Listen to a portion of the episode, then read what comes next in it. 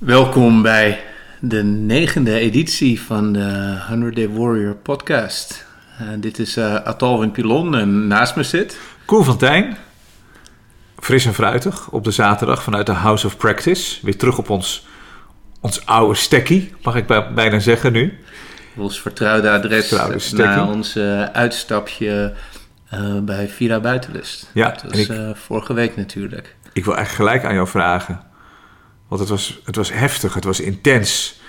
Als je de podcast van vorige keer hebt beluisterd, met eh, Rob, Stefan en Loes mm als mede-warriors te gast. Dat is heel krachtig. Mhm. Hoe is het voor jou nu? Want ik kan er zo wel vertellen hoe het voor mij is, maar hoe was het voor jou na dat weekend? Mm, wat, wat is je vraag precies? Nou, hoe die energie met zo'n groep. Het was een groep van plus minus 20, mm varieerde een beetje mhm. per dagdeel. Voornamelijk Warriors van de zaterdag- en zondaggroep. Mhm. Maar ook Warriors alumni, moet ik zeggen, mhm. die eerder hebben meegedaan. Mhm. Maar daar kwamen dingen naar voren en, emoties en vooral de band tussen de groep. Dan heb je zo'n heel weekend gehad, vol met, met heel veel powerful dingen. En dan is, het, dan is het afgerond. En hoe voelt dat voor jou, die energie na zo'n weekend? Oké.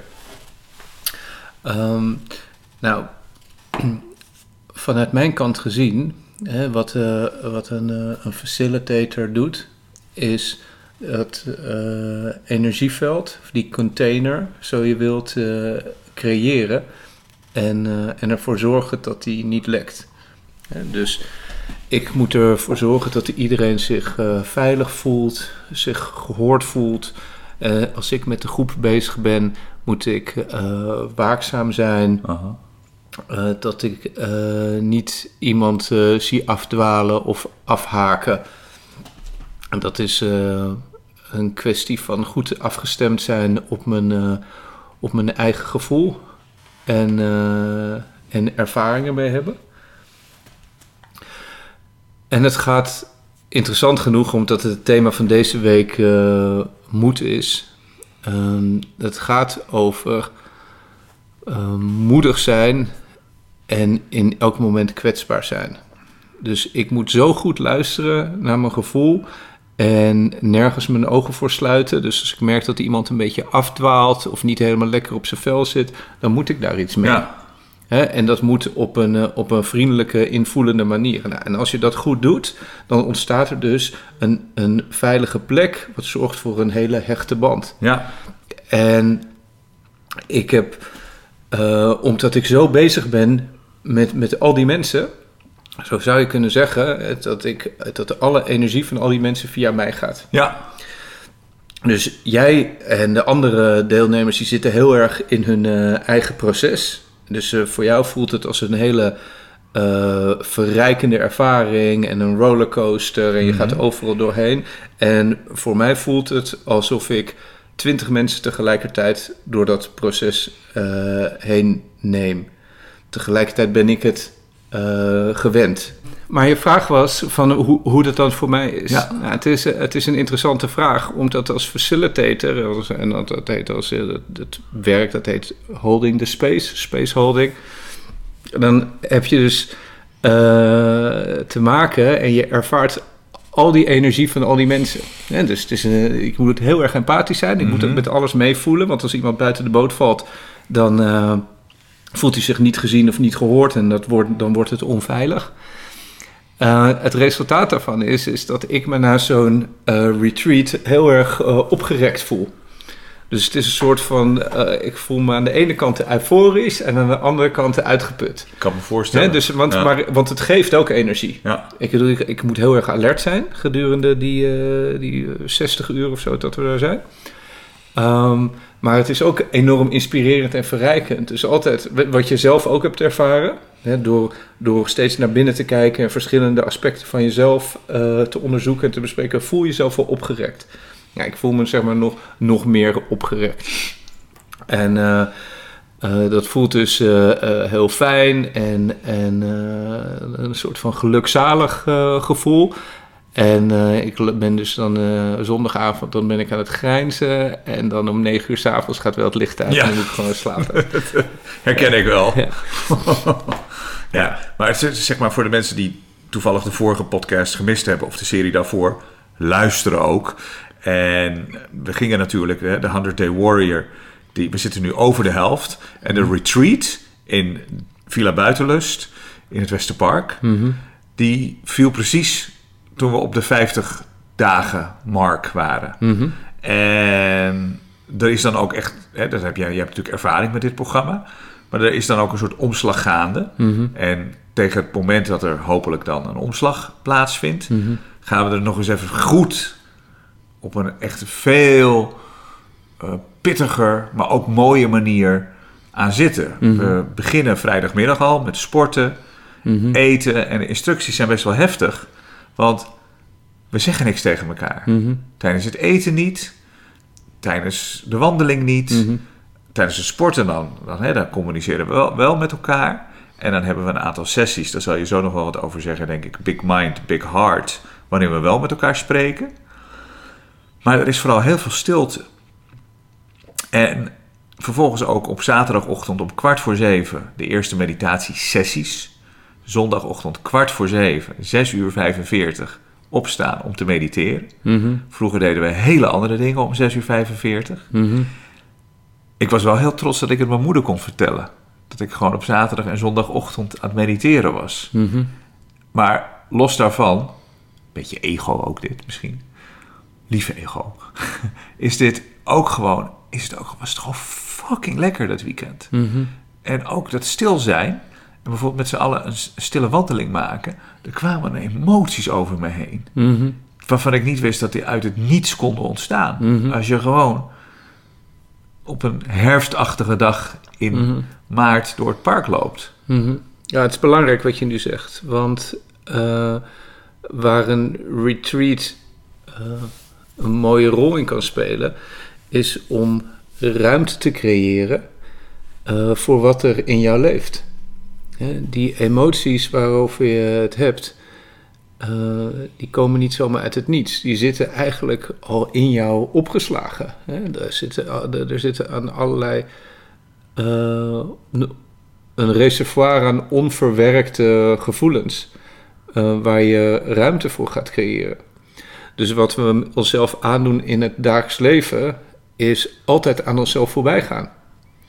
Dus je komt niet toe aan het, eh, aan het verwerken, aan het doorleven eh, van alle indrukken die je opdoet. Omdat je eigenlijk altijd in je hoofd zit en bezig bent eh, met je werk. Ja, dat is dus niet het hier en nu, maar dat is eigenlijk altijd het daar en straks. Ja. Het lijkt wel alsof je in het hier en nu het heel druk hebt, maar je voelt je eigenlijk altijd opgejaagd door iets, omdat je bang bent om iets niet te halen of niet, ja, iets niet aan te voldoen. Nou, en tijdens een retreat en in stilte en op je kussen zittende, dan kan je dus ineens al je eh, gedachten de revue laten passeren zonder iets mee te moeten. Dus het is alsof je zeg maar de ramen tegenover elkaar openzet. Lekker uitwaaien. Vervolgens, als je die ramen tegen elkaar openzet, dan wordt het dus fris van binnen, fris en stil. En dan is er ineens ruimte voor allerlei andere ervaringen die je kennelijk dus in je, in je alledaagse leven niet vaak eh, tegenkomt. Nou, en dat eh, is. eh, je doet de retreat niet en je meditatiebeoefening niet om bijzondere ervaringen op te doen. Maar ik bedoel, al de, het ervaren van de schoonheid. Als dat niet een onderdeel is van je leven, dan sla je de plank mis. Mm. Ja? En dus eigenlijk hoe wij ons leven inrichten, slaan we voortdurend de plank mis. Dus wat, je, wat we hebben gedaan vorige week, is de goede context creëren voor mensen om de plank raak te slaan. Namelijk, zet ze op een kussen, eh, vraag ze om hun mond te houden. En als we dan onze mond opentrekken, laat het zijn over wat er in ons leeft. ja. Hè, laat het gaan over wat er in ons leeft. En niet over, eh, over flauwekul. Wat ik ook mooi vond was dat het twee groepen waren die elkaar nog niet kenden. Mhm. En we werden bij elkaar gezet. En na even sporten was het stil. Mhm. En het was zo relaxed. Want ook als we s'avonds na de laatste meditatiesessies of vlak voordat het eten werd geserveerd, eten was trouwens uitmuntend. Moeten ze nog wel even een shout-out doen aan die dame die, die dat geweldige eten had gekookt. Lena. Ja, ja. Shout-out naar Lena, je eten was geweldig. Ja, echt. En de, een van onze collega-warriors, toen we wel wat mochten zeggen, die zei tegen me... Het is ook zo relaxed, want dan is de een ligt te slapen in de algemene huiskamer. Mhm. De ander zit een boek te lezen. De ander eh, zit te mediteren. Iedereen doet zijn ding. Mhm. En het pakt af en toe. Het is, dat stil zijn met elkaar en die band die ik ook met die zondagochtendgroep, want wij zitten in de zaterdaggroep, voelde. Terwijl we eigenlijk bijna geen woord met elkaar hadden gewisseld. is bizar. Mhm. Bizar. De energie. Echt heel mooi. Ja. Ja, eh, er is een ander sociaal contract. Je hoeft niet in die ruimte te zijn met elkaar om, eh, om leuk te zijn of om leuk gevonden te worden. Je hoeft je niet eh, je best voor te doen. Je hebt een kans om gewoon ongemaskerd te zijn. En, en dat ervaren Ja. mensen, en jij voor jou is dus ook nieuw, als enorm bevrijdend. En het interessante is dus van, oké, wat doe je nou precies anders? Nou ja, wat, je- anders hebt gedaan, is jezelf bevrijd van het normale sociale contract wat je hebt met de mensen om je heen in de ruimte. Nou, dat betekent dus ook, als je zoveel eh gelukzaligheid ervaart, dat jouw alledaagse sociale contract eh, helemaal niet zo vrij is. Dat je jezelf eh, dus behoorlijk onder druk zet. En dat, eh, en dat doen we ook. Hè? We zijn altijd maar bezig. Wat vinden mensen van? Hoe komen we over? Ben ik wel leuk genoeg? Eh, wat, wat kan ik hier uithalen? Sla- eh, mis ik de boot niet? De vloek van de vrijheid van meningsuiting. Bijvoorbeeld. Ja, bijvoorbeeld. Waar ik een groot voorstander van ben. Maar misschien het, de, de vrijheid van zwijgen is misschien wel net zo belangrijk. Nou, kijk, vri- vrijheid van meningsuiting is, eh, is natuurlijk een groot goed. Maar op het moment dat je eh, je verplicht voelt aan een bepaalde norm te voldoen. Mhm. En dat is wat we over het algemeen eh, aan het doen zijn. We Ja. voelen ons verplicht om aan een bepaalde norm te voldoen. En, en we doen ons anders voor dan we in werkelijkheid zijn. Ja, nu krijg je de kans om, eh, om dat eh jurken af te leggen. En dan voel je dus gelukzalig. Ja. Zo simpel is het. Kan je iets, iets, iets, iets tipje van de sluier oplichten van wat we ook hebben gedaan, waarin we wel met elkaar en, eh, en, en, en spraken? Eh, De Big Mind, Big Heart, waar dat vandaan komt. Ja. Want dit was heel intens ook. Ja, ik heb een andere methodiek geïntroduceerd eh, tijdens het weekend. Eh, zoals je zei, dat heet eh, Big Mind, Big Heart Process. Ehm, de eerste acht weken van de 100 Day Warrior eh, leunt de manier waarop ik les geef eh, op de methodiek van John Kabat-Zinn, Mhm. eh, Mindfulness-Based Stress Reduction. Nou, dat heb ik soort van voor 85% overgenomen en er zit dan mijn, mijn eigen saus overheen. Otal in saus. Een beetje atalwinsaus. Ehm en het is een hele goede manier en een wetenschappelijk eh, stevig onderbouwde manier om mensen efficiënt te leren mediteren. Dus dat is de basis die we hebben gelegd. En vervolgens eh, heb ik tijdens het weekend het proces geïntroduceerd wat ik heb geleerd van eh, mijn zenleraar eh, Dennis Gempo Merzel Roshi. Een proces wat een synthese is tussen een Jungiaans therapeutisch format, wat de Voice Dialogue heet, en, ehm, en, de, en de Zen-filosofie. Ja, wat is, wat is Jungiaans? Want dat la- lees ik ook wat over. Eh, maar- Ju- Jungiaans, dat is uit, uit de school van Jung. Oké, Jung. Ja. Je, dus je hebt eh, in de psychologie heb je de eh, eh, Jungiaanse stroming en de Freudiaanse Ah, ja. stroming. ja. En eh, de eh, mensen die eh, Voice Dialogue hebben ontwikkeld, eh, die heten Hel en Sidra Stone. En eh, mijn eh zenleraar heeft in de jaren 60, geloof ik, eh, psychologie gestudeerd bij, bij deze mensen. En, daar dus een, een basis in gelegd. Nou, en wat je doet bij de voice dialogue, is dat je een gesprek creëert met verschillende aspecten van je persoonlijkheid. Dus je kunt zien eh, dat je kunt je persoonlijkheid zien als een, eh, als een diamant met eh, 10.000 facetten. En ieder facet kun je een stem geven. Dus dat betekent dat je woede een stem kan geven. En je kunt angst een stem geven. En je kunt de controller een stem geven. En de protector kun je een stem geven. En door, dan creëer ik een soort dialoogproces. Waarbij we dus ver verschillende sleutel aspecten van een, van een persoonlijkheid langsgaan. En al die, uh, al die verschillende rollen ga ik dan een keertje ondervragen. En voor heel veel mensen is dat een heel verrassend uh, proces. Ja. En dus dan hebben we het over jouw protector. En dan vraag ik jouw protector aan het woord te komen. En dan verschuif je op je stoel. En dan uh, vraag ik wie je bent. Dan zeg je, nou, ik ben de protector. Nou, we kunnen het wel even doen. Hè? Dus uh, ik, uh, ik ben de facilitator. En ik zeg, nou, Koen, ik wil graag spreken met jouw protector. Dus uh, wat doe je dan? Ja, beschermen, protecten. Ja, dus nou eerst je, verschu ja. je verschuift eventjes. Ja, ja. Je verschuift en dan vraag ik wie, wie ben je? En dan zeg jij...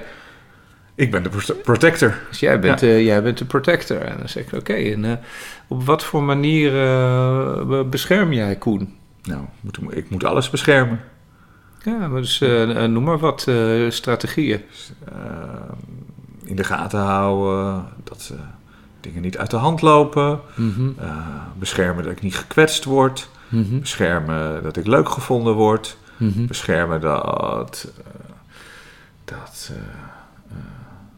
Ja. Dat het allemaal maar, maar, maar fijn mag zijn. Of allemaal maar goed mag gaan. En, wat, en wat bescherm je op, op dit moment?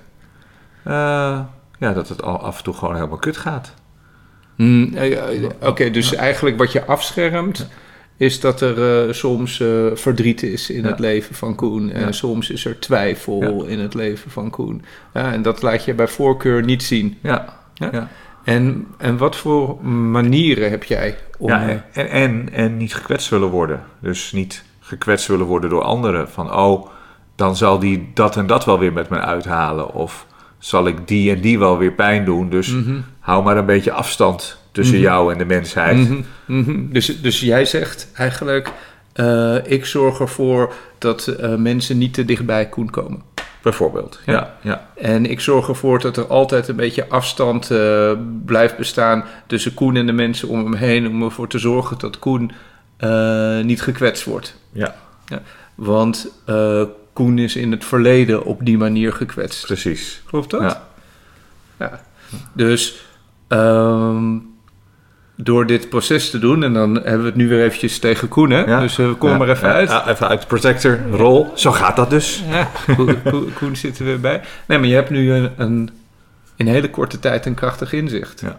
Hè, dat hoe, hoe, hoe een mechanisme in jou ervoor zorgt dat je altijd mensen om je heen een beetje op een afstand houdt. En dat je dus in, uh, om uh, leuk gevonden te worden en om een beetje sfeer maken, blijf je een beetje aan de oppervlakte. Ja. Nou, en nu kun je ook zien, interessant genoeg, denk ik, van hoe dat een kracht van je geworden is. Want vertel het maar. Uh, even kijken, hoe, hoe, het een kracht geworden is, daar bedoel je mee uh, dat dat de kracht geworden is wat in, het werk wat ik doe. Precies. Ja. Ja. ja, dus vertel maar. Leuke praatjes houden met mensen. Leuke praatjes entertainen, houden. Of Ent nou, entertainen. Een paar honderd of een paar duizend of honderdduizend mensen zijn. Precies. Zorgen Even. dat er nooit een stilte ja. valt. Ja. Hè? Altijd zorgen, dead air is, uh, is killing. Dus zorgen dat de, dat de show must go on. De show must go on. Grapje maken, ja. leuk, gezellig, hihi. Ja. ja. En, en, en net beschreef je van toen je in, het, uh, in de retreat zat en je mocht even stil zijn, dat het enorm bevrijdend ja. was. En je vertelde ook dat je heel erg uh, veel verbinding voelde uh, met de mensen om je heen. Ja. En nu vertel je dat de protector eigenlijk zorgt voor dat, ze, dat je mensen op een afstand houdt. En dat waar je heel goed in bent geworden, is, uh, is een bepaalde oppervlakkige, ja, ja, een oppervlakkige sfeermaker zijn. Sterker nog, zo verdien je geld. precies. Ja. Nou ja, dus dit, zeg maar, dit is een inzicht. Ja. Hè? Het is, en zo zit ieder mens uh, vol met beschermingsmechanismen. En, wat ik, uh, en over, wacht ja. even, ik wil het even afmaken. Want ieder mens zit vol met beschermingsmechanismen. En dit is dan maar één stem. Precies. Dus want we hebben nu eventjes de protector eh, even aangesnuffeld. Maar er bestaat ook nog een controller. En er is ook nog veer, er is ook nog woede. Hebben we nog eens één andere stem voor de grap? De damage zelf. De damage zelf, tuurlijk. Hè? Die Dus, halen we er even eh, bij. ja, dus de dus, eh, gekwetste, ik ben de gekwetste, moet ik even anders gaan zitten, de gekwetste Koen. Ja, dus eh, nou ja, Koen, nee, eerst. Koen, ik wil graag spreken met de damage zelf. Ja, dus Dus wie ben je? ik ben damaged zelf. Oké. Hey, en ehm, nou, wat voor damage heb jij opgelopen? Zo de afgelopen 40 jaar. Nou, nog wel, nog wel wat ik ook, ook in de groep deelde. Eh, het is allemaal niet van een eh leien dakje gegaan in mijn jeugd, al van, Mhm. vanaf hele jonge jaren. En ik weet altijd wel dat ik mezelf aanprobeerde te praten dat ik een hele gelukkige jeugd had, heb gehad. Mhm. Ik had hele Koen. Koen probeerde zich aan te praten Ja. dat hij een hele Ja. ge- gelukkige jeugd had gehad. Totdat er een ramp gebeurde en nog een ramp en Mhm. nog een ramp en Mhm. een brand en een dit en een ouders die scheiden. Maar Mhm. ja, dat hebben zoveel mensen meegemaakt, Mhm. dus daar moet je niet over zeuren. Maar Dat is hoe Koen met, met, eh, met pijn omgaat. dus die, die eh, verdoezelt het, eh, veegt het onder tafel, eh, neemt het niet helemaal serieus. En jij bent de damage ja, zelf. Ja, ja dus, het En dus, wat, Ja. dus mijn vraag is simpelweg, wat voor schade, hè, wat voor damage he- heb jij eh, geleden? Zo, zo vroeger bijvoorbeeld. Ja, nou ja, dat, dat, dat heeft zich denk ik geuit in een stuk onzekerheid. En niet, niet, niet goed kunnen genieten van dingen. Mhm. Eh, en eh, ik kom net op iets, maar daar kom ik zo wel op. Want al die stemmetjes, zeg het toch maar eens, anders ver- vergeet ik het misschien. Al die stemmetjes, ook de, de, ja, de, de moeilijke stemmen, hebben je ook gevormd tot wie je bent. Dus er zit ook een mooie kant aan. Wat je Mhm. net al zei over dat Mhm. een beetje afstand houden en daardoor een goede entertainer worden, dat is natuurlijk gewoon helemaal waar. En ik denk wat, het, wat ik me nu eigenlijk realiseer, nu we erover zitten te praten, is dat het oké is wat er gebeurd is. Het heeft je gevormd. Mhm. Maar wat Ja. we vooral doen, is, is die stemmen, ehm, of ze hebben de overhand, of ze worden weggedrukt. Mhm. Maar ze mogen, je kan er niet gewoon eigenlijk naar kijken op een manier zoals we dat nu doen. Ja, en, eh, en eh, eh, heel hele mooie eh, rookgordijn heb je opgeworpen, want je hebt geen antwoord gegeven op de vraag. Ja. Dus ik vroeg gewoon, wat is de schade die je hebt opgelopen? Mhm. En niet eh, wat het heeft opgeleverd, ja. eh, maar gewoon wat, wa- eh, en wa- wat het heeft veroorzaakt. Dat eh, misschien eenzaamheid of twijfel of onzekerheid heeft veroorzaakt. Maar, maar wat is er gewoon gebeurd? Nou, dat, dat is waar we het inderdaad over hadden. is dat toen we het over hadden over ga terug naar je childhood die onbezorgd was. Eh, tijdens een retreat kwam dat ter sprake. En ik ben nogal gewelddadig eh, op de aarde gekomen, omdat ik bijna gestikt was, omdat mijn eh, navelstreng heel veel keren om mijn, om mijn nek zat. En dat heb ik natuurlijk niet, kan ik me niet bewust herinneren. Mhm. Maar dat verhaal is me wel ingeprent door mijn moeder, dat ik op zo'n manier was, ter wereld was gekomen. En er zijn ook wat getest gedaan toen. Het was MBD, dat noemen ze minimal brain damage. Mhm. Tegenwoordig geloof ik ADD. Dus wat testen gedaan. En ehm, vervolgens zijn er meerdere dingen gebeurd, zoals een, eh, een woonboot die afgebrand is, katten die zijn gestikt. eh, ehm, en een paar keer bijna verdronken in mijn hele jonge jaren. Eh, hence de wo- woonboot. Mhm. Uh, dus dat gelukkige beeld, het kantelt een beetje, zeg maar. Mhm. Van dat er ook, ja, er waren wat incidenten. Maar van nu, van nee, er waren best wel heftige dingen. En voor een klein kind die zich beschermd wil voelen, Is zijn dat het, was natuurlijk... het onveilig? Ja, onveilig. Ja, Ja, dus dit is wat ik bedoel. Dus de schade is, ik bedoel, er is, er is eh, eh, onveiligheid geweest ja. in je jeugd. En, eh, en ik zie aan je ogen dat het je raakt. ja zeker. Ik wil nog even iets zeggen over die, die onveiligheid. Aha. Ehm, wat, hoe heb je dat gevoel van onveiligheid eh geovercompenseerd? Dus wat de meeste mensen voelen die, die eh, gevo- opgevoed zijn met een bepaald gevoel van onveiligheid, die gaan dat gevoel van onveiligheid uit de weg die proberen dus een bepaalde veiligheid in hun leven te creëren. Dus wat doe jij en wat voor patronen heb jij gecreëerd of wat voor situatie heb jij gecreëerd om jou een gevoel van veiligheid te geven? Nou, daar kan ik me echt niet echt, echt iets bij voorstellen als ik heel eerlijk ben.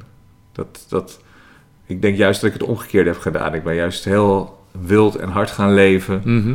om Oké, maar dat, Ja. is, eh, eh, dat is ook een overcompensatie. Ja, want ik, want ja. dat, dat is, zeg maar, dat is eh, wild en hard leven, is een overcompensatie op de angst om dood te gaan. ja, dus als je een, een paar keer geconfronteerd bent met je eigen sterfelijkheid, dan wil je graag alles eruit halen wat, eh, wat erin zit. ja, Maar een manier om eh, veiligheid te creëren, of emotionele veiligheid, is ook bijvoorbeeld om nooit echt de relaties aan te gaan. Ja. Ja. En je te verliezen in je werk. Ja. Hè, Dus een, eh, en, aan je, en een eigen bedrijf eh, te creëren. ja. Waar je dus- altijd maar druk mee bent. We hadden het daar een keer naast de podcast, tussen de bedrijven door, tussen al onze meditatie en allerlei dingen, hadden we het daar met elkaar een keer over. Toen vroeg je hoe lang is je langste relatie? Ik heb nooit langer dan vier, vier jaar een relatie gehad. Mhm, Dus wat dat betreft zit er ook wel een bindingsdingetje mhm, dingetje in. mhm. Dus eh, Nou, zeg dat is iets anders. Hè. We hadden het over verkleinwoordjes en zo. ja, Wat bedoel je met een bindingsdingetje? Een bindingsding. We leren het wel. Ja, of wat wil je eigenlijk Ja. zeggen? Ja. Nee, maar dat is, dat is verbinding, angst om te verbinden. Angst om Ja. te verbinden. Maar dat is wat we in die groep dus ook doen. Met een hele groep gaan dit soort dingen. En dan gaan we stuk voor stuk eh, komen we aan het woord. En dan komen dus dat soort dingen ook uit. Dat Ja. vind ik wel heel mooi. Maar hoor je nou wat je zegt? Nee, je hebt het over, eh, over bindingsangst. Hè, dat eh, komt nu naar boven. En eerder in het gesprek had je het over hoe enorm verbonden je je voelt op het moment dat je in stilte samen bent. Ja, Dus dat is een thema. ja, dus je, je zoekt naar verbinding. En waar, verbind je, eh, waar vind je die verbinding? Door eerst contact te maken met jezelf. Hè? En, Ja. in, eh, en, en, en plekken en situaties op te zoeken waar dat kan. Nou, nu heb ik zo'n plek en zo'n situatie voor je gecreëerd. Maar de vorige week, eh, of het vorige, voor de retreat, hadden we het ook weer over verantwoordelijkheid. Jij bent natuurlijk verantwoordelijk voor het creëren van eh, die echte veiligheid en oprechtheid in je leven. Mhm. Hè? Dus jij moet de ver- verbinding faciliteren. Mensen gaan zich niet verbonden voelen met jou op het moment dat jij er zelf geen ruimte voor hebt in jezelf om de verbinding te creëren met jezelf. Dus het is heel interessant hoe zeg maar al die, die thema's zo samenkomen. Weet je wel, waar, jij van opveert als radiomaker. Van jezus Mina, weet je wel, wat ervaar je een enorme verbinding in de stilte. Ja, en wat is er gebeurd? Ik bedoel, je bent heel goed geworden in het, in het cultiveren van het, van het oppervlakkige praatje. Zo goed dat je een eh, gelauwerd eh, radiomaker bent geworden. Dus er zit, daar zit een, eh, een enorm inzicht daar. Mhm. Om de andere kant van jezelf ook te onderzoeken. En met deze podcast, hè, wat, wat, wat ik hoopte en wat de bedoeling is, is dat we jouw transformatie eh, gaan verslaan. Ja. En dus nu komen we op een plek terecht waarin we gaan zien waarom Koen is geworden zoals hij is geworden. Mhm. ja. ja. Ja, dat is, eh, dat is mooi. Ik, ik merk Ja. dat het je raakt. Ja, nee, zeker, zeker, zeker. Zeker. Dus kun je beschrijven wat je voelt en wat je ziet? het, is, het is mooi, maar het is ook, ook eng. Ik bedoel, het is ook een beetje scary. Mhm. Ja. Wat is er scary aan? Nou ja, omdat je... eh, daar hebben we het al eerder over gehad, omdat er ook een soort ego aan vastzit aan wie je bent geworden. En we hebben al eerder in, in bepaalde sessies gehad dat het ego een beetje loslaat. Mhm. En het ego wil eigenlijk heel graag blijven bestaan. Mhm. En daar gaat een soort strijd aan, aan eh, ten grondslag. Ja, dus eigenlijk wat je zegt is je bent letterlijk bang om dood te gaan als je je dekking laat zakken. Ja, ik denk het, ja. Ja. En in de spirituele tradities jagen ze nou precies die dood na. Precies. Dan is dat hè, het, Ja. eh, de, dat noemen ze ego-dood, het sterven van het ego. Dat is wat ontwaken is.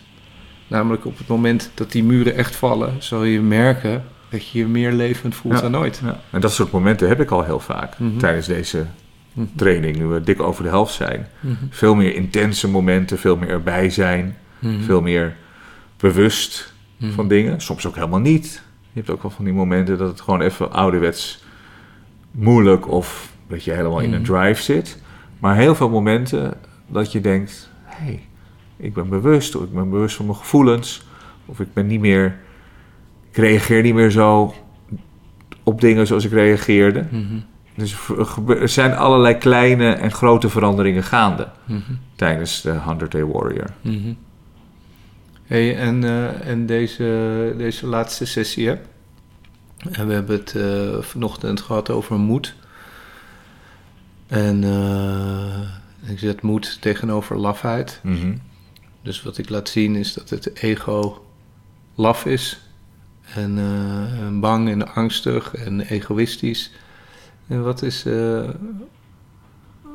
wat is het inzicht dat je meeneemt uit de sessie over moed? Wat betekent moed voor jou? Nou, wat ik uit de sessie van vanochtend meeneem, is dat. Dat inzicht kwam ik in ieder geval dat lafheid verbonden is aan het ego. En dat goede moed, om het zo maar te zeggen. Dus niet onbezonnen moed, niet zomaar wat denken dat je dapper bent. Maar echte oprechte moed, dat die voor heel veel rust zorgt. Mhm. En heel veel kracht en Mhm. overzicht. Mhm. En eh, ja, een energie is die heel cool is om te beteugelen en, Mhm. eh, of te, te gebruiken Mhm. in je leven. Mhm. Ja, leg het eens uit. Leg eens uit eh, aan de mensen die luisteren waarom moed rust geeft. Dat de meeste mensen zullen denken dat, dat de moed een, een soort van energizer is en Ja. voor, eh, eh, voor opwinding zorgt. Dus leg eens uit hoe het komt dat, eh, dat moed voor rust zorgt. Ehm, het, is, het hangt er vanaf welke moed er wordt aangeroer- aangeroerd, zeg maar. We hebben meer, meerdere soorten ja, je moed. zit goed. Je Ja. zit, Ja. wel- welke, welke de moed die voor rust zorgt? Wat is het inzicht daar? Ik kan alleen maar zeggen dat die moed voor rust zorgt. Dat Mhm. die soort moed, want daar is een, we hebben meerdere soorten moed beschreven. We hebben de, Ja, er, is, er is moed voor nodig om jezelf kwetsbaar op te stellen. ja, Hè? En, eh, maar eh, waarom stellen we ons niet kwetsbaar op? Uit angst. Hè? Uit de angst om onszelf te laten zien. ja, Dus als we de moed opbrengen om onze dekking te laten zakken, om eerlijker te worden, om kwetsbaar te worden, om transparanter te worden, is uiteindelijk de, eh, de, de, de opbrengst, of waar we uitkomen, is op een hele stille, fijne, harmonieuze plek. aha, Ja, dus Ja. dat, is de weg die je beschrijft. Ja. Waarom mo- moed rust brengt, ja, is omdat het de weg is naar stoppen met het hoog houden van muren en, eh, en maskers. Ja, ja, dat is heel bijzonder. Ja. Nee, maar dat, eh, dat eh, Big Mind, Big Heart. ehm, we hebben nu maar een heel klein stukje ervan laten zien. Maar daar, daar gebeurden heel veel mooie dingen. Mhm. En gaan we dat, dat vind ik wel interessant om te weten, gaan we dat doorzetten? Gaan we de komende Ja. weken daar verder op, op Ja. door? Ja, dus Ja. wat we in deze sessie ook al hebben gedaan, is ik gebruik de methodiek weer.